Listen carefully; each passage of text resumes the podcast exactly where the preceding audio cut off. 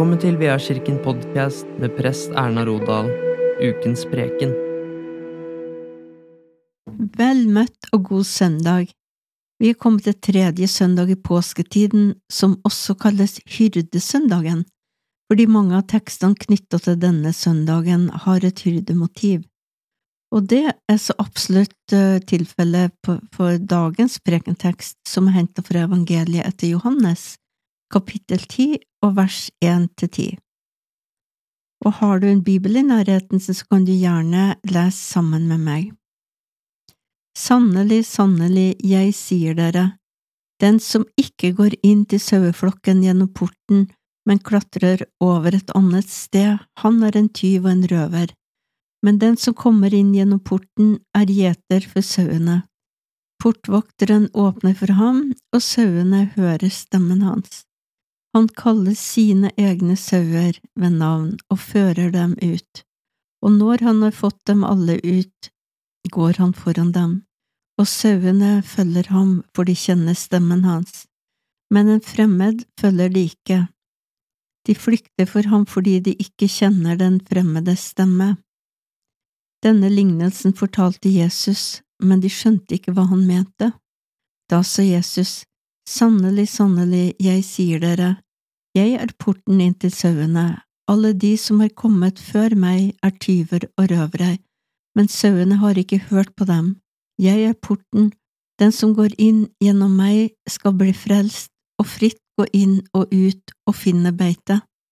Tyven kommer bare for å stjele, drepe og ødelegge, men jeg er kommet for at dere skal ha liv og overflod. Slik lyder Herrens ord. Dagens tekst har mange kirketeologiske moment, som at Kristus samla sin jord eller sin menighet, han nærer den og skjermer den mot farer og mot fremmede røster, og han fremstår sjøl som modell for det å være en rettmessig gjeter. Teksten veksler også i billedbruk mellom gjeteren og porten, og her ser vi også tydelig kontrasten mellom en god gjeter og tyven og røvere, og den gode gjeteren og leiekaren.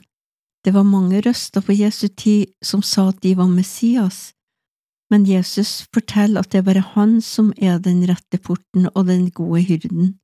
Et lederskap som ikke går gjennom porten, også Jesus, er som tyver og røvere og falske ledere som vil lede flokken på avveier bort ifra Gud. Johannes evangeliet berører viktige temaer som hvem er Jesus, hva slags vitnesbyrd kommer Jesus med, og hva innebærer det å tro på ham?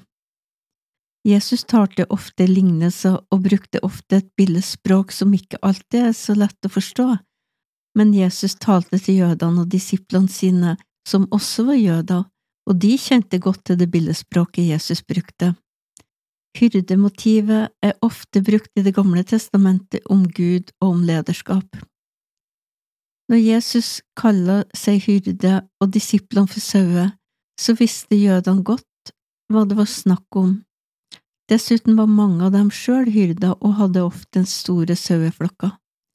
En god gjeter var en som leda saueflokken på rett vei, som sørga for å lede dem til mat og vann og en god gjeter hadde omsorg for flokken sin, passa på sauen og beskytta dem mot ville dyr.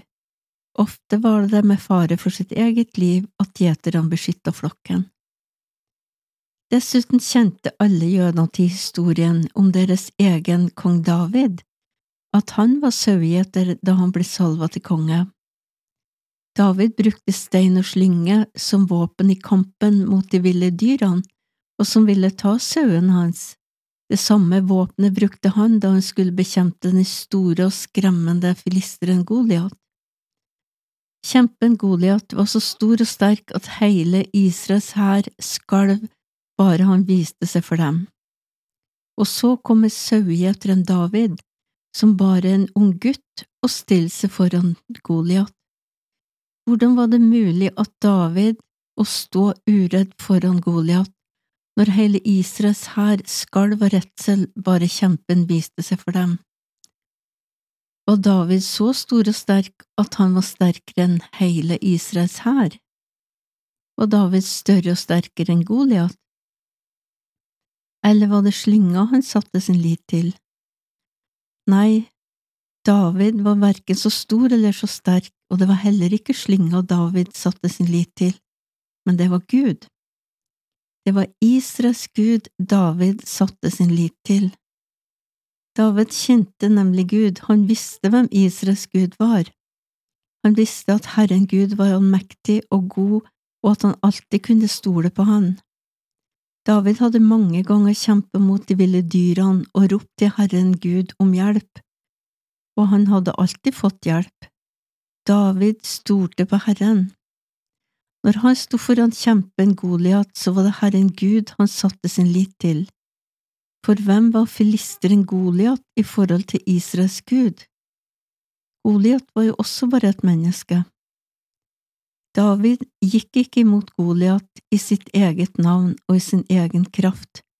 David gikk mot Goliat i Herren, den levende Guds navn, og da hadde Goliat ikke en sjanse. Han hadde egentlig tapt før slaget begynte. Han skulle egentlig bare ha kapitulert, så hadde han berga livet. Istedenfor gikk han mot den levende Gud og ble totalt knust. Vi har nettopp feira påske, og feira at Jesus, Guds sønn, som også er Gud, gikk i døden for deg og meg, ja, for hele verden. Han bar all verdens synd og svik og ondskap på seg der han hang på korset.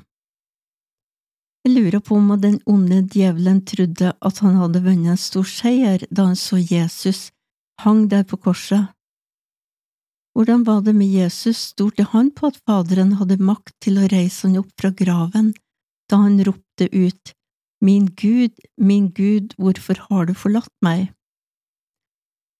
Jeg tviler ikke på at Jesus følte seg forlatt av Gud der han hang på korset med all verdens elendighet, svik og ondskap på seg, men jeg vet at Jesus visste nøyaktig hva han gjorde. Jeg vet at Jesus visste at det var kraft nok hos Faderen til å seire over døden og all verdens ondskap. Jesus visste at Faderen hadde kraft og styrke til å reise han opp fra graven. Jesus kjente Gud sin far. Jeg og Faderen, vi er ett, sa Jesus. Jesus stolte fullstendig på at Gud sin far både ville og hadde makt nok til å reise han opp fra døden. Det ble en knusende seier over ondskapens ånde her og deres fyrste da Jesus døde på korset.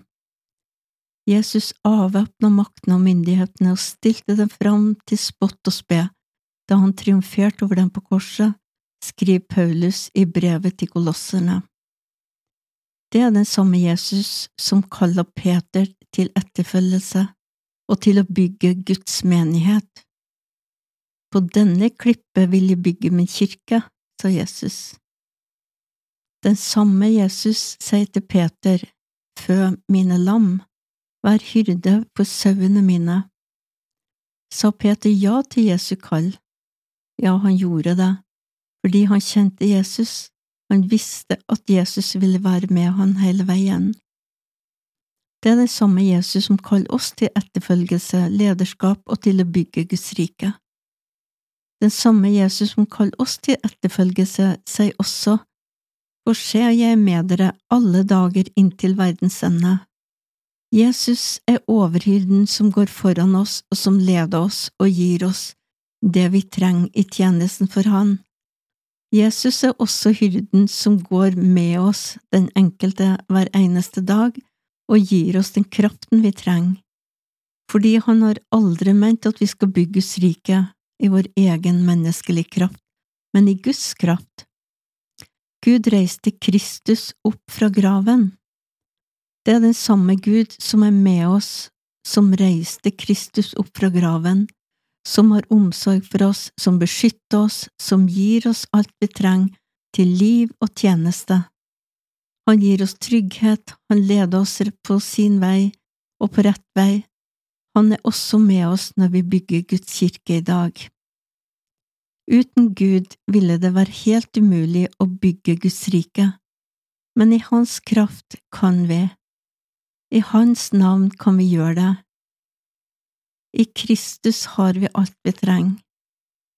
Som David, som gikk i Herrens navn når han kjempa mot Goliat, så går også vi i Herren vår Guds navn når vi kjemper mot mørkets krefter og kanskje en og annen Goliat, for å bygge Guds rike eller å bygge Guds kirke. Hvis vi tror at Gud er Gud, skaperen og opprettholderen av hele universet og alt som lever, så må vi også tro at Han virkelig er med oss alle dager og i alle ting. Men hvem er den Gud som du ser foran deg? Hvordan ser din Gud ut? Er han en stor eller liten Gud? Er han nær eller fjern? Er han involvert i livet ditt, eller er han på avstand? Eller kanskje du har mista Gud av syne, sånn som Israels hær hadde, de så bare Goliat? Gud delte Rødehavet så israelittene kunne gå tørrskodd over. Gud ga dem manna fra himmelen til mat i ørkenen og vann fra klippen. Og Gud kom ned til oss som sin sønn Jesus Kristus. Han gikk omkring og gjorde tegn og under. Han gikk i døden for oss og ble reist opp igjen fra graven, og han sitter ved Faderens høyre hånd i himmelen. Vi kan lett komme i skade for å dra Gud ned på vårt menneskelige nivå eller putte Gud inn i vår egen skala, sånn at Gud ikke blir stort større enn et menneske. Men Gud skapte verden ved å si et ord, bli lys.